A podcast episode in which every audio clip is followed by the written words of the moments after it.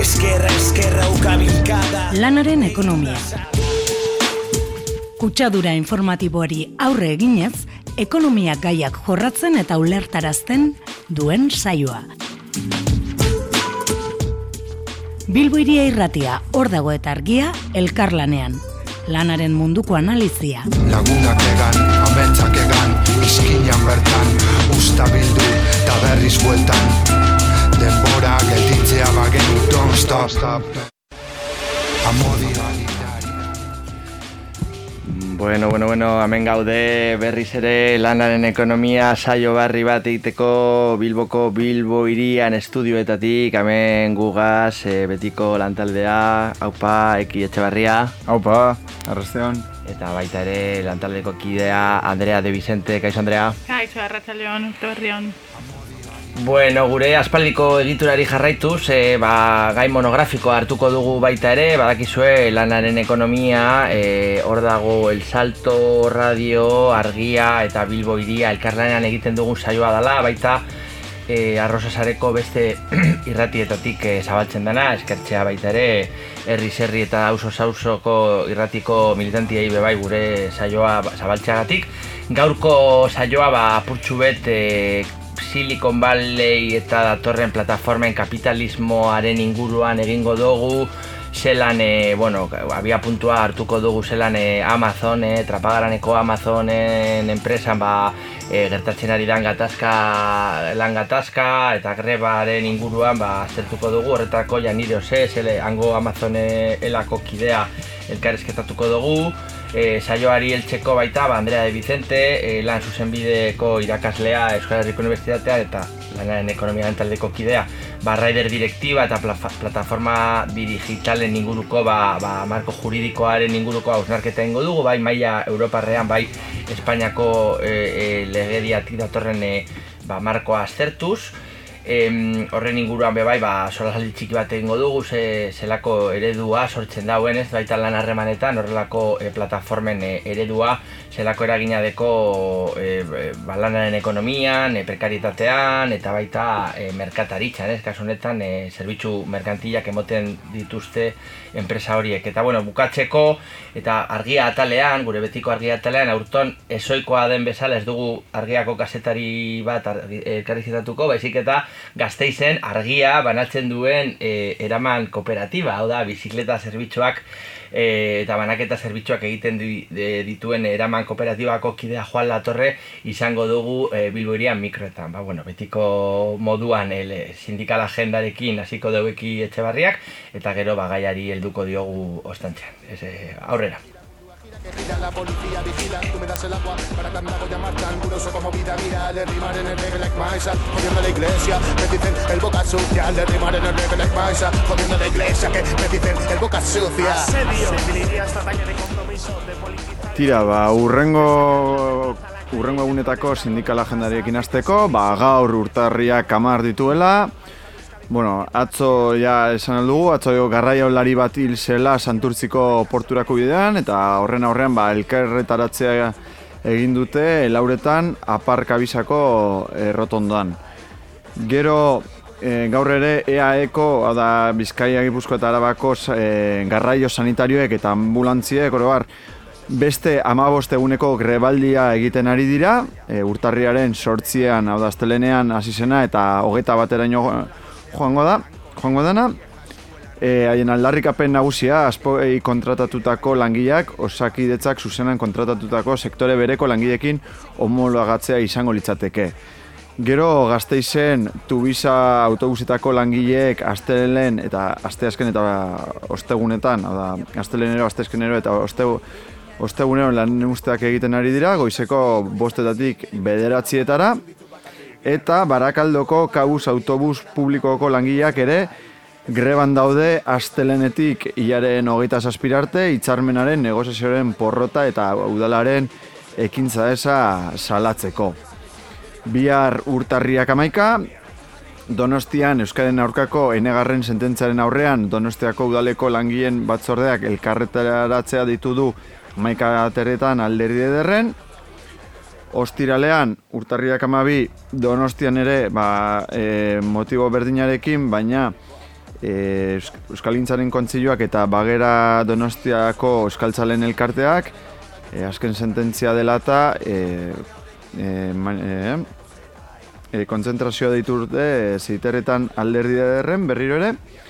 Eta larun batean urtarriak amairu Bilbon urtero egiten den euskal preso politikoen eskubideen eta konponbide politiko baten aldeko manifestazioa nazional, nazionala deitu duzarek, lauretan la kasillatik hasiko dena. Jo. Ja, urrengo egunetara begira, urtarriaren amaseian Bilbauseko langilek grebari, e, bueno, e, grebari eta lanustei berrik egingo diete, eta, bueno, e, berrogei lanuste iragarri dituzte dagoeneko urtarriatik maiatzera arte, hitzarmen duin baten alde. Urtarriaren amazazpian, e, gizarte ekimeneko ikastetxetako langiek ere grebari berrekingo diote, hitzarmen berri baten alde, hori dela eta, ba, bueno, bost greba egun iragarri dituzte urtarrian, eta lan hitzarmenik esean, ba, beste bost greba egingo dituzte otzailean. Eta ja bukatzeko, urtarrien hogeita zazpirako palestinariekin elkartasuna plataformak manifestazio nazionala deitu du ordizian, kafe enpresak sionismoriekin duen konplizitatea salatzeko eta Israela, Israeli boikota aldarrikatzeko. Eta honekin, ba, bueno, bukatuko genituzke urrengo egunetarako deialdiak, ikusten dugunez, e, oraingoan tematika nagusia ba, garraioa da, bai sanitarioa, bai e, ba, e, garraio publiko lokala, eta, ba, bueno, e, seguramente deialdi gehiago egongo dira, beraz, e, esaztu, ba, email bat dagoela horretarako, e, zuen deialdiak bidaltzeko, eta horrela, ba, e, gure sindikalan, e, sindikala agendan e, jaso ditugu lanaren ekonomia abilduak email.com lanaren ekonomia dana batera abilduak email.com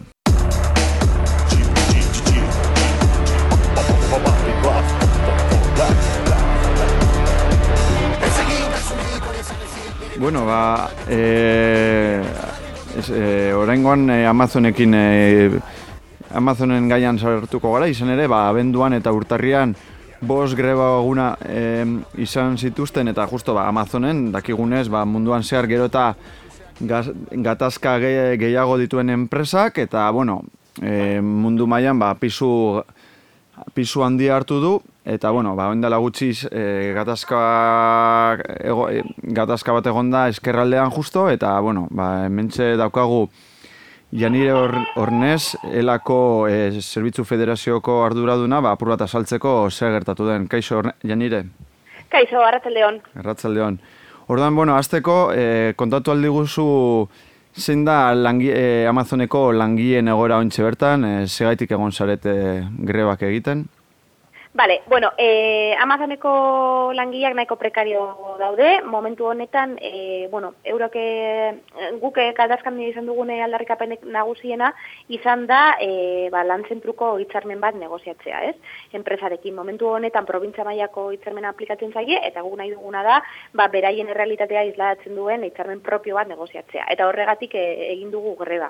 E, momentu honetan zein den egoera, baina bo, ba, nahiko prekarioa da, e, eurek daukaten arazo arazorik nagusiena lanaldi partzialak e, dira, e, lanaldi, osea, kontratu gehienak lanaldi partzialekoak dira, baina enpresak e, bueno, ba, ordu osagarriekin kompletatzen ditu jornadak, baina bueno, eta, eta bueno, hori da portu betze euren egoera. Bale, eta orduan orain e, zertan ari zarete, ze, bueno, aipatu grebena, baina, bueno, zer bilatzen duzu eta apuratzen da dinamika? Hori, e, bilatzen duguna da, prekarietate horrekin amaitzea, lanaldi partxalekin amaitzea, eta e, be, euren irrealitatea izlatzen duen e, lan zentruko hitzarmen propio bat negoziatzea. Hori hmm. dago nahi duguna momentu honetan. Bale, eta, e, bueno, orain egin duzuenarekin, e, apur bat, ba, zer da, zerbait lortu duzu edo zein da zein izango litzateke. Barkatu, ez que nago momentu honetan. Ah, bai, lasa, lasa, ez dago bai, Vale, vale. Eta jauki lindo. Bai, bueno, a ver. Bai, bai, esan, parkatu. Vale, lasai. Eh, orduan, etorkizunari begira... Bai.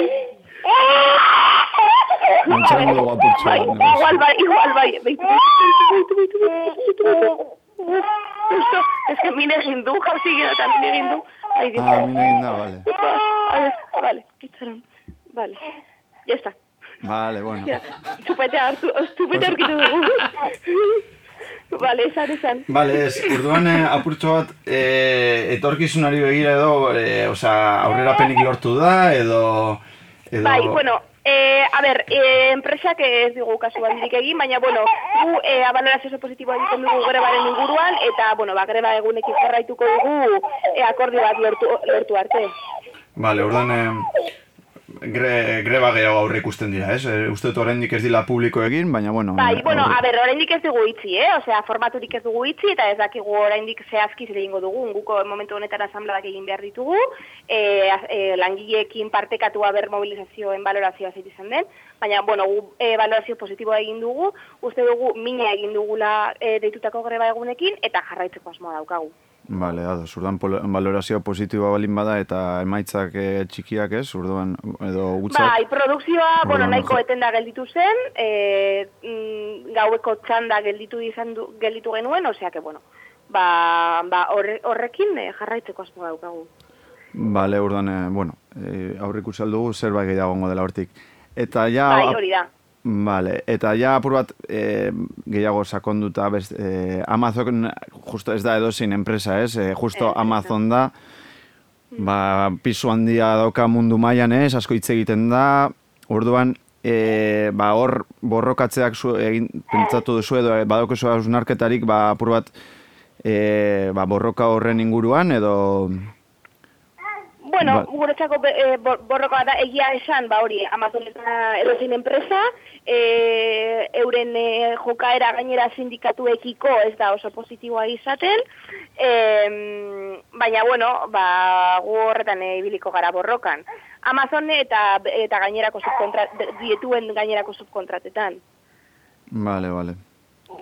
Ondo, ba, eskerrik asko, e, Janire. Vale, bueno, sentitzen duten, negarraketa, baina bueno. Ez, ez, eman dio lan, e, ba, naturaltasun puntu bat, Bai, espontaneide ez? puntu bat, eta ondo dago, ondo dago, e, kontuan hartzea, sindikalistak eta sindikalistak eta langileaz aparte ere, ba, bueno, e, ama edo aita ere, ba, bagaudela- da, bagaudela hemen, eta bueno, eskerrik asko, eta hurrengo arte. Vale, zuei, vale, agur, agur. Agur.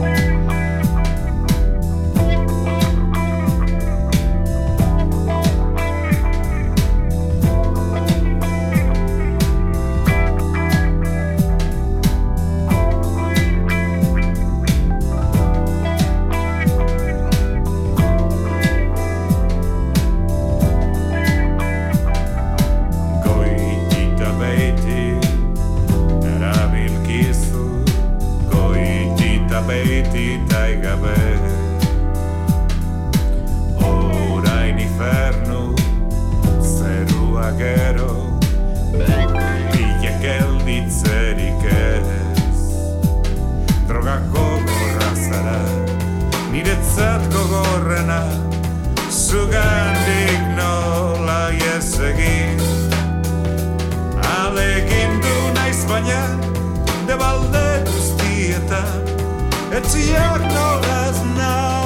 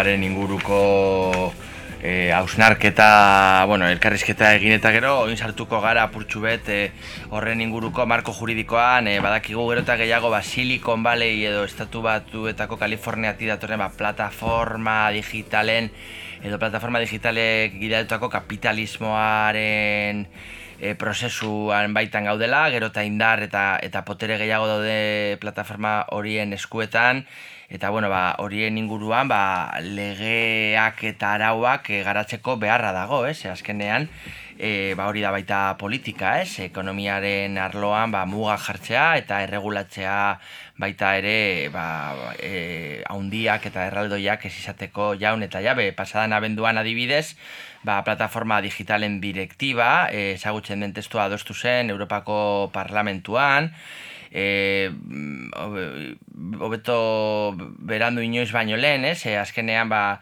e, 2008 batik, ez? Hasi zalako arau hori e, garatzeko prozesua, Espainiako Raider legea, e, legean inspiratuta, baina, bueno, ba, orain, e, orain, e, e, agertu da momentua hori onartzeko Europa mailan eta bueno, ba, espero dugu hori garapena izatea gero e, Europa osoko lehiakortasunean eta plataforma digital erraldoi hauen ba, ba, negozioaren mugak esartzean, ez? Horretarako ba, lanaren ekonomia lantaldeko kideak, e, parkatu, lanaren ekonomia lantaldeko kidea Andrea de Vicentek egingo digu, ez? Bera e, EHUko lan zuzenbideko irakaslea izan da, ba, gai honen inguruko e, garapena, ez? E, azteko Andrea, e, a ber, zin da em, apurtxu bete albada era, era argi batean azaldu zein da zuzentarau hauen Europa mailan onartu da zuzentarau honen garrantzia eta zergatik da hain konplexua, ez? E, horren inguruko adostasun batera heltzea.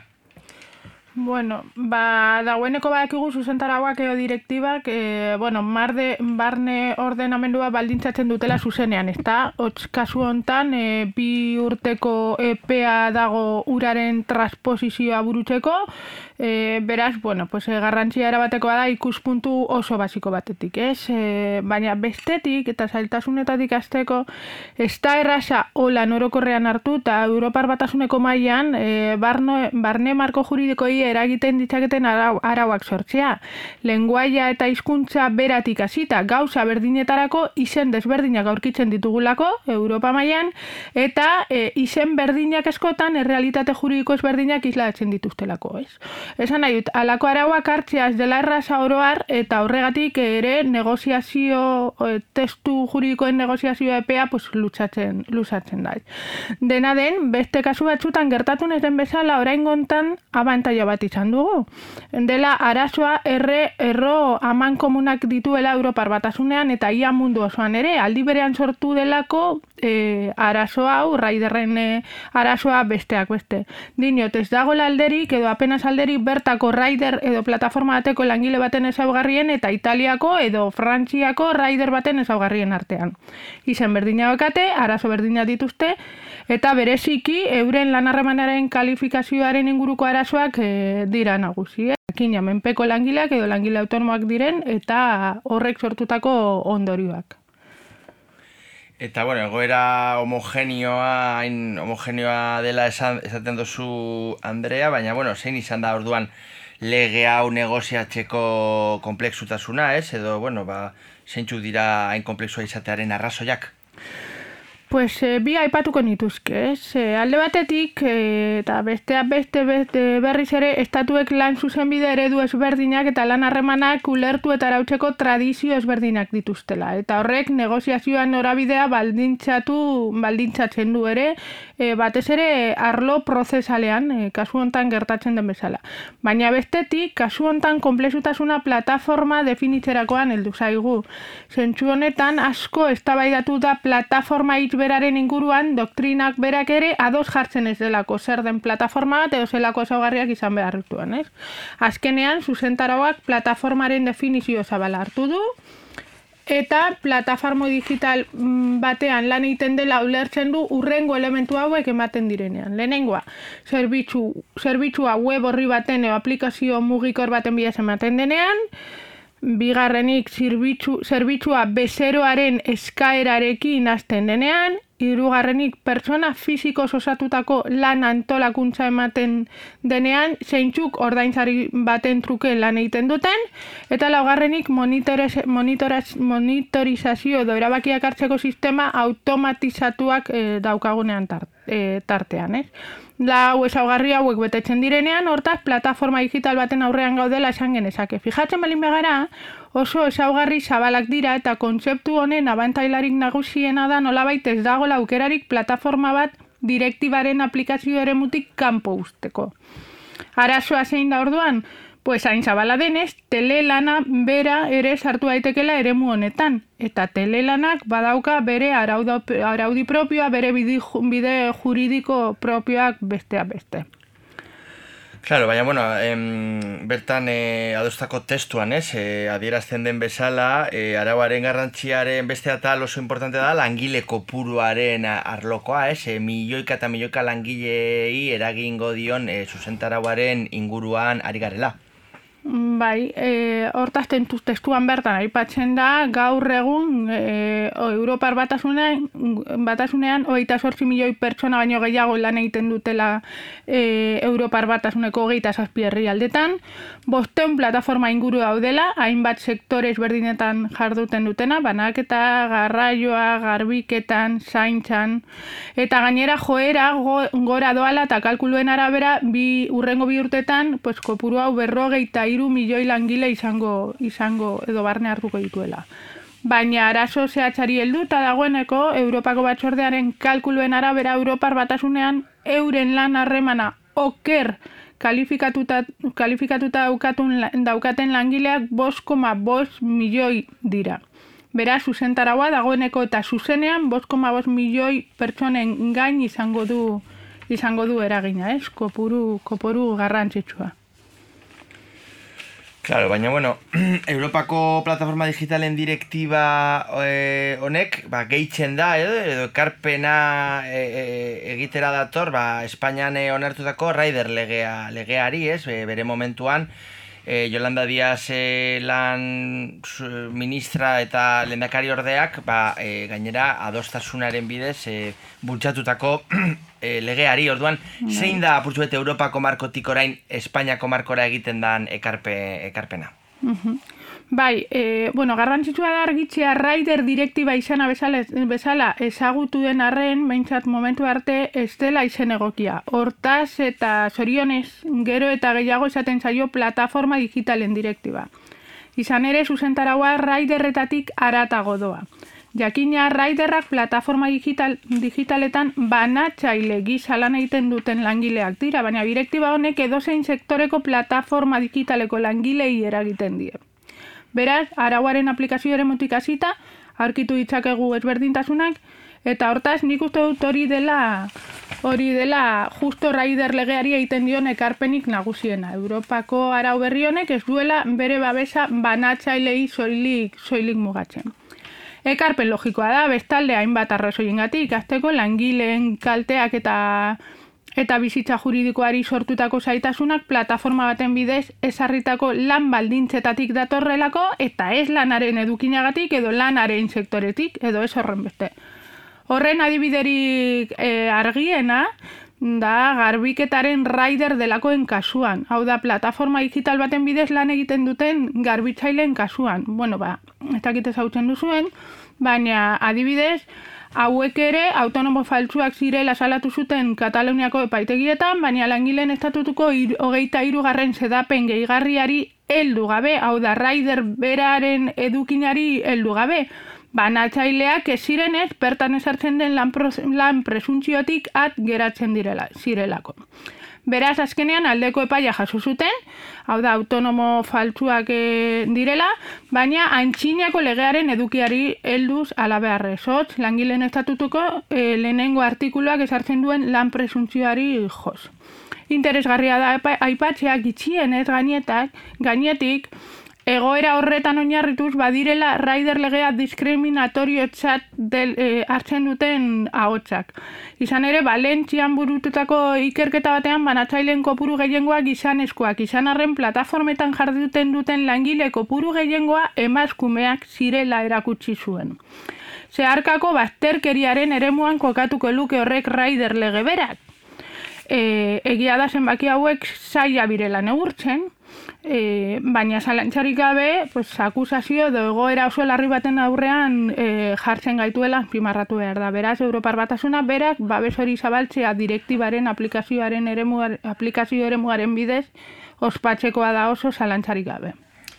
Eta hortaz, nola e, lege, edo bueno, e, zuze, parkatu, direktiba edo, edo zuzentara honek, e, nola baldintzatuko du, edo nola baldintzatzen du, banatzaile gisa jarduten duten langileen egoera, eta bueno, zu Andrea, zelan ikusten dozu, Andrea, zelan ikusten dozu, ba, prekarieteten aurkako tresna eraginkorra izango delakoan zaude? Bueno, orokorrean ikuste dute itxoin beharko dugula justo horren erainkortasuna ikusteko, ez? Baina justo direktibaren beste pare bat ekarpen garrantzitsu aipatzeko aprobetsatu ezaket galdera hau, ez? Zuzentarauak algoritmoaren informazioa eta erabakiak hartzeko gardentasunaren inguruko edukin garrantzitsua dakarrere. Gogoratzen dugunez, bertako raider legearen inguruko aldarrikapen sindikala izan zen hau, ez? Baina juridikoki erabateko interesa duen arloa arestian aipatutako laneko presuntziarien inguruan ematen da. Azteko direktiba, errealitatea lehenestearen garrantzioa esar, e, esartzen du juridikoki lan harreman baten aurrean gauden edo ez ebasteko. Hortaz benetako egitatei behiratu behar saiola dio. Langile batek pairatzen dituen benetako lan baldintzei behiratu behar saiola eta ez lan hori gauzatzeko erabili den kontratu motari. Langilea menpekoa da autonomoa den e, erabakitzerako orduan. Eh? Horretako, bos faktorez osatutako zerrenda itxi bat esartzen, esartzen da, eta horietatik bi behar dira lan presuntzioa aktibatzeko. Ez? Hau da, bos faktore horiek lana gauzatzen diren baldintzei lotuta daude, adibidez. Soldatari lotuta, lehenengo faktorea, soldatari lotuta, aldez aurretik esarritako ordainketa maila dagoen, edo ordainketarako mugak dauden edo ez, lan horren emaitzei behiratu baino, lana nola gauzatzen den kontrolatzen den edo ez bide telematikoen bide, e, bitartez, ordutegi propioa esartzeko aukera dagoen edo ez, edo ura esartzeko askatasun maila, edo beste motatako lan baldintzen elementu batzuk. Ba, horietako bi faktore betetzen baldin badira, laneko presuntzioa aktibatuko da. Eta orduan txe izango da aukera kontrako froga aurkesteko. Estatu bakoitzaren zuzenbidearen arabera. Hau garrantzitsua da argi ustea. E, bos faktore horren testa gaindituta, hotz, bi faktore baino gehiago betetzen baldin badira, ez du automatikoki langilea meinpeko da autonomo bilakatzen, baizik eta soilik uraren kontrako frogak aurkesteko epeari sorrera ematen diola, besterik ez. Azkenean, direktiba jurisprudentzia bera sortutako irizpiak, irizpideak bere ganatzen ditu, menpeko langile baten aurrean gauden jakiteko. Egia esan, eta pues, hasieran aipatu da moduan, errealitate, errealitatearen esperientziari behiratu beharko diogu, presuntzio- presuntzionen arrakasta neurtzeko geure laneko ordenamendu juridikoan, baina edozelan ere, ez duenez aldez aurrekoak ezabatzen, e, bueno, pues, printzipioz e, izun, ir, eraginkorra izan daiteke esan bezala, batez ere banatzaileak ez diren beste, beste langileentzat pues, euren aplikazio eremuari begira. Oso ondo, Andrea. E, bueno, e, ikusten da zu gai honen inguruan e, ba, ba, badakizula, iaz e, zure tesi doktorala defendatu duzu Euskal Herriko Unibertsitatean, ez? Nazioarteko azpikontratazio prozesuen inguruan, eta bueno, ba, ikusten da, naiz eta zuzentarau, Europako zuzentarau honek, ba, bere garrantzia izan, ba, bueno, ba, bidea dagoela, ez? E, bide juridikoa sakontzeko beharra dagoela, langileen eskuiak babesteko maila guztietako legeak eta arauak e, garatu behar direla. Bai, bai, nik uste hori nahiko, nahiko argi dagoela, ez? Eta enpresa batzuen kasuetan neurri egokiak hartu behar direla. Adibidez, plataforma kapitalisten nagusitasunaren garapenean Amazon da janda jabe, ekik eh, azalduen bezala, eta mi, mila eta bederatzi garrenean ailegatu zen trapagara, eskualdeko gune handia sartzeko. Zu badakizu honen inguruan zeo zer, ezakiz eragina izan du horren eskerralean eta Euskal Herrian oroar jon ber. Bueno, e, beha lehen aipatu bezala, ez, e, ekikin dago eindako elkarrizketan, ba, badago ama, trapaganen, e, Amazonen, e, bueno, haiek dinote Espainia zona norte, e, bueno, edo zeinean, e, e, han egiten dauela, ba, centro de, de último de último tramo edo bueno, Amazonek badeko bere nazioarteo bidalteka, bidalketa prozesua eta horren baitan ba, zer, poste, zerbitzu postalak erabiltzen ditu gero e, aipatuko dudan bezala baina dozenean bai e, momenturen batean ba, behar dabe zentro logistiko, eskualdeko zentro logistikoak eta kasu honetan ba, trapaganen ba, bako Wilcoxeko e, eremuan ez, bere momentuan enpresa importante bat egondako eremuan esarri du zuen bere goitza 2019an apurtxu bet, ba, eskerraldea eta oroar bizkaiko industriaren suntxiketa aprobetsatuz, eh? badakigu, eta bakarrik eh, ba, Bilboko itxasertxetik eh, e, itxasora arte joaten bazara Bilbotik, ba, ba ikusten da argi eta garbi, eh? zelan dago, ba, ruina industriala e, handiak, e, batzuk desegin barik ondino dauzenak, eta kasu honetan, ba, bere momentuan, gu gaztea ginenean, gune komertzialak esarri ziren e, lehen Alto Sornos de Bizkaia eta horrelako eremu erraldoietan, ja bere garaian horren inguruko kritika eta eta eta herri borroka bate egon zan, baina bueno, prozesu hori globalizazioaren menpeko e, komertzioaren kontzentrazioaren prozesu hori egin zan, e, makro tal, besterik eta e, horrelako eremu erraldoietan, Baina edo zeinean, tokiko komertzioaren zuntxiketaren areagotzea ailegatu da azken sasoi honetan, e, ba, Amazon bezalako ba, komertzio e, leia, leia esleiaren, zelan da, komertzio desleialaren e, e, pro, e, prozesuaren bidez, eh? azkenean badakigu eh, Amazonek eh, badituela bere estrategia nazioarte mailan garatuak, baina oso beharrezkoa du tokiko implantazioa bere, bere banaketa sistema egin alizateko, gero eta gehiago ikusten dugu, ez? Eh, Amazoneko eh, furgonetak, gure kaleetan, eh, baita gure betxeetara batxutan eskatzen ditugun eh, hainbeste produktu ba ez, ez dira topatzen, sarritan topaten dira baita eh, tokiko dendetan, bakarrik eskatu beharra dago eta Amazon bezalako ba, it- itxaron behar da egun batzuk, baina dozenean em, zirkuito laburren suntxiketa bat e, ikusten gabiz, ez? Ja bere momentuan tokiko, oza, parkatu, em, gune komertzial erraldoiek esaten zan lau lanpostuak suntxitzen zituela bat berri bat sortzeko, sarritan egon dire argudio produktibistak estilo, bai, e, zentro komertzial horiek, bai, jo que se, Bilbon e, zelan dau, em, dauena deustoko zubian, e, zubiarte, edo Zubiarte. horiela bezalakoa, jendea ez da konturatzen horrelako gune komertzialak egiten dituela, da e, beste tokiko merkatarien e, zuntxiketa bultzatu, eta, bueno, ba, that kapitalismoa leia da, eh? Sarritan esaten dugu kapitalismoa esplot, langileen esplotazioa dela, baina esain sarritan, eta baita marxismotik abiatuta, ba, badakigu kapitalismoa da baita kapitalisten arteko leia, eta hor, ba, kontzentrazio prozesua ezinbestea da, ez badago politikoki eragiteko gaitasun bat, eta e, kapitalista erraldoien aurkako arauak e, esartzeko gaitasuna. Orduan Amazon etorri da gure tokiko merkataritza suntzitzeko eta bueno, ba, gero ikusiko dugu baita gure kale, kaleak zelako e, egoera dauden, gero eta gehiago daude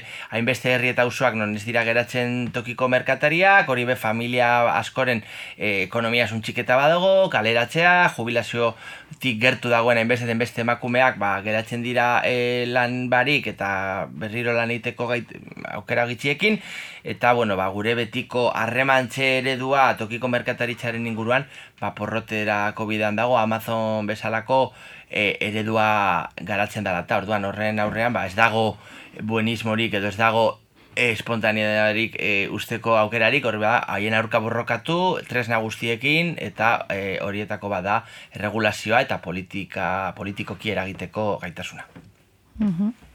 2000 eta geiren amaieran, hortaz pandemiaren testu inguru larrian, oi hartzunen jarri nahi izan du Jeff Bezosen erraldoiak Frantzia goalde osorako gunea, baina ezkenean e, eh, ez du lortu, ez? Eh? Zer hartatu zen hor?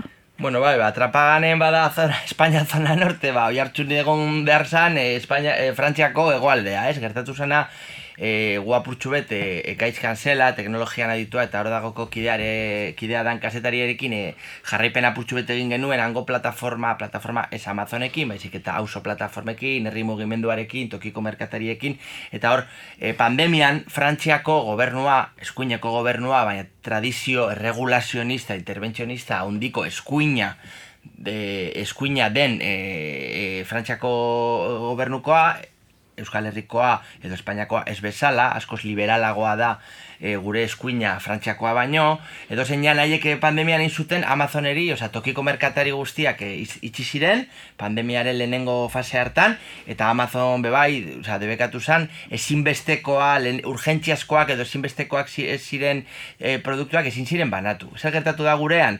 Gurean bai permitidu da, osea, tokiko merkatari denda guztiak egon ziren bederatzi amabi itxita, baina Amazon egon zan, ni goratzen naz behin Euskal Telebistan, Amazon, trapagaraneko Amazonen langile bat, osea, elkortea ETV-koa zan, txorradak, txorradak, danak hemen munduko pandemia erraldoia danak etxean gordeta eta jendea eskaten tip topikoa izan da e, etxean kirola egiteko arropak edo ez dakize letxez, no? Orduan, ba, Frantzian hori esan gertatu. Orduan, harin konturatu da Amazon, Frantziako garapena mugatuta egon dala Frantziako gobernuaren e, erregulazioaren ondorioz. Eta orduan, berain estrategia izan da, oi hartzunen kokatzea, hor egon da, tra, garraio, garraio enpresa baten lekua, ez dugu eratzen izena hor, baina, garraio enpresaren lekua, geratu zen libre, eta karo, oi hartzunera llegatuko zen, EH Bilduko udaletxea, e, baseukan bere interbentze, interbenitzeko gaitasuna, bere momentuan, oi hartzuneko alkatea, e, esan izan gai, lehenengo faseko,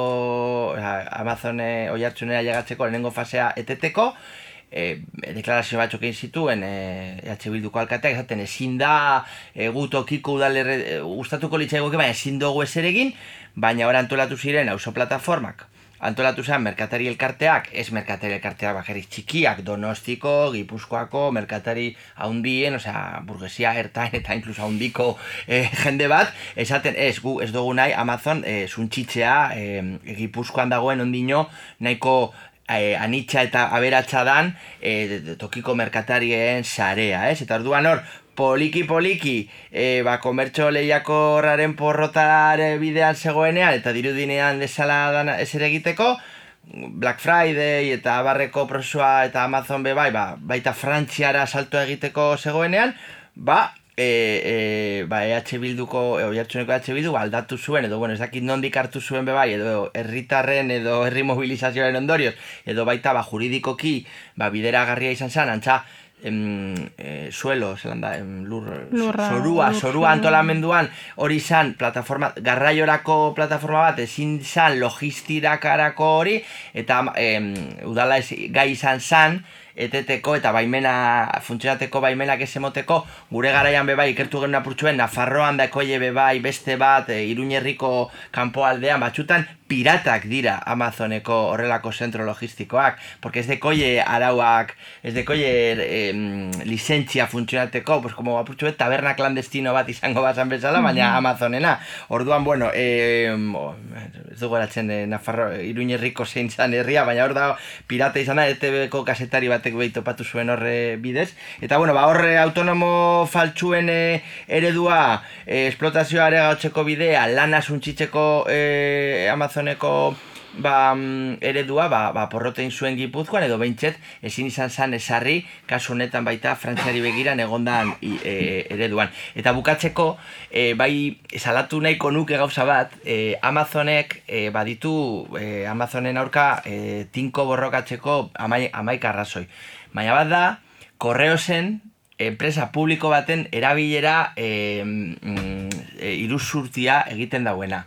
Badago, korreosen e, oinarri bat dala servizio postal universal. Hau da, netorren ekiri esplikatzen e, onarako bidean. E, ez dakit er, erraz badan azaltzen, baina zuk, naiz eta hiri handi baten erdigunean, edo herri txiki baten mendiko puntan bizi, badeko zu eskubide publiko bat, paketeak eta gutunak jasotzeko. Ah, ah. Eta orduan, hor dago zerbitzu bat, ez dakit nori nondik datorren, frankismotik, edo republikatik, edo ez dakit nondik datorren, e, baina da gauza bat, berdintasuna eta apurtxo bat, danok euk- dekogu eskubidea prezio berean, paketeak eta gutunak bidaltzeko. Ba, kez egiten duen Amazonek? Amazon erabiltzen du, printzipioz, berdintasun soziala eta herritarren arteko eta hiria eta herria eta eremu rurala eta urbanoen arteko oreka bat edo bentzit eskubide berdintasun bat egoteko oinarri bat, Servizio Postal Universal, Amazonek eitzen ditu, eitzen duena da, hori erabili egunero milaka eta milaka pakete korreo zenbiden bidaliz. Oinarria da, Amazonek eroaten dotxu etxera paketea merkeagoa bada eroamatea korreosetik bidaltzea baino, baina garestiagoa bada kostu hori korreosek eh, hartzea eta Amazonek aurrezten du dirua eta korreosetik korreosen bidez ailegatzen datzu guk hemen e, Bilbon bezala edo Bermeon edo donon ikusten dugu korreoseko langileak milaka, oza, eundaka Amazoneko paketekin. Orduan zetan dabil enpresa publiko bat berdintasuneko oinarriak e, funtzionamendua duena Jeff Bezoseko e, munduko pertsona beratzena eta enpresa erraldoi bateri zerbitzu hori emoten, orduan hori, e, bueno, ba, mu, e, a- bukatu beharreko egoera badala, eta, bueno, ba, hori, hori esan barik ez nuen bukatu nahi. Oso interesantea. Jim and John Army cause he had no place to go. 'Cause ain't nobody around here since jobs went down to Mexico. I reckon that learning self trade made me see the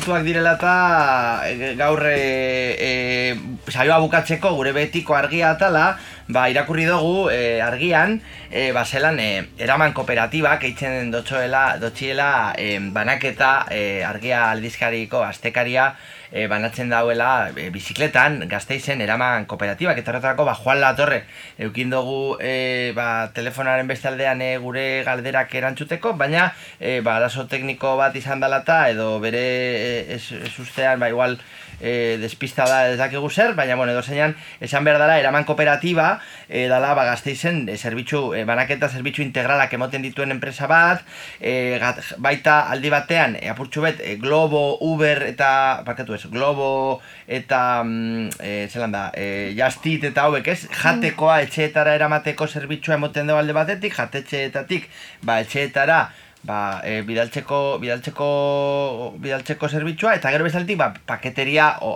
oiko paketeria edo baita Amazonekin lehiatzeko gaidan e, enpresa bat dala baita ere, hau da, bi e, negozio hildo ditu eraman kooperatibak eta bueno, ba, kasu honetan e, argiatik aratago ba, baditu zerbitzu desberdin eta horien inguruko ba, banaketa zerbitzuak e, egiteko gaitasuna deko. Hemen bakarrik defendatzen dugu gure langile klasea Eskeraleak, independentzia eta kalea lortuko ditugu gure ametsak Bi.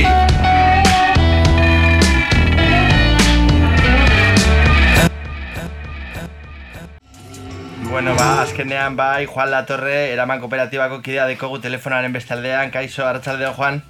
Bai, arratzaldeon. Bueno, ja saldu dugu apurtxu bet zuren web aldetik tiraka, ba, jatetxeak eta paketeria egiten dozuela.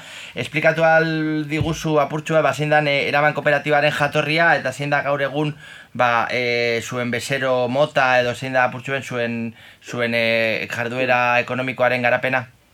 Bai, ba, ba jatorria pandemia, pandemiak bultatuta jaio ginen, e, baina bai bageneukan e, al, arlo nahikoetatik esperientzia. Ez, esanik Europa iparraldean lan egin da lan egin nuen e, aurretik, olako mensajeria eta bizikleta garraioan, eta mm, gazteizen bizizan e, lagun batek e, ba, e, aplikazio eta globo moduko enpresatan e, egin zituen e, inkurtsio modukoak gero ba, artikuluak eta idazteko lan balditzei buruz. Orduan, bi, bi e, alde hauek e, hartuta, ba, ba, pandemiak bultzatuta, e, hori izan zen gure, gure jatorria. Eta, eta bueno, ba, orain e, gaur egun dauzkagun beste domotak, ba, badira pur bat guke egite eguna da, e, ikusi sektorean ze arrazo dauzten, e, ba, lan, lana eta lanaren e, baldintzak e, ikuspuntuan jarrita, ia ze, ze arlotan aldogun impactu bat euki. Eta bargita garbi zegoen e, janari banaketaren e, e, atala, eta gero beste alde batetik, hainbeste ikusten ez den e, paketeria banaketaren atala eta bi ere horiek e, jorratzetu gehien bat, baino baino espektro zabalagoa egiten dugu gero banaketa egiterako orduan. Azken batean, e, bizikletan mugi daitekeen edo zer mugitu dugu irian barruan, eta eta hori, gero eta bazkide gehiagoarekin, eta eta hori, orain arte.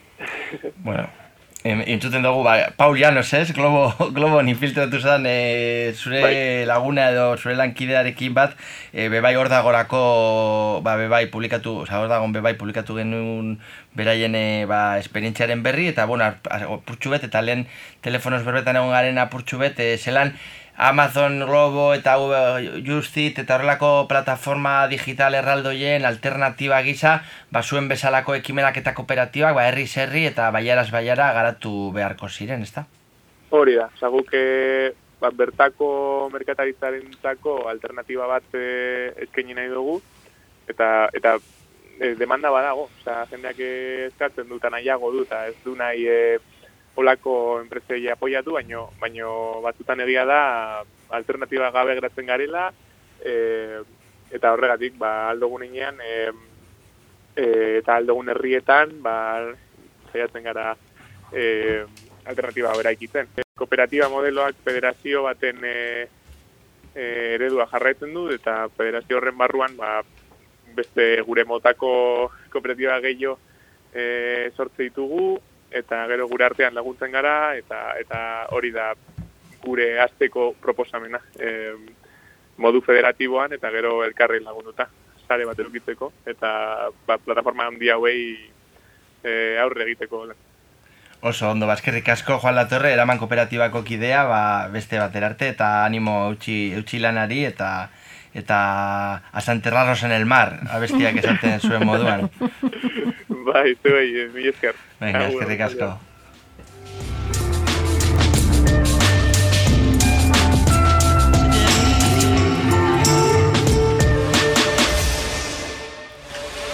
Bueno, bueno, ba, ja heldu gara amaierara, beti, betiko moduan denbora zestu gabiltza, baina, bueno, e, lortzen dugu beti denbora barruan amaitzea.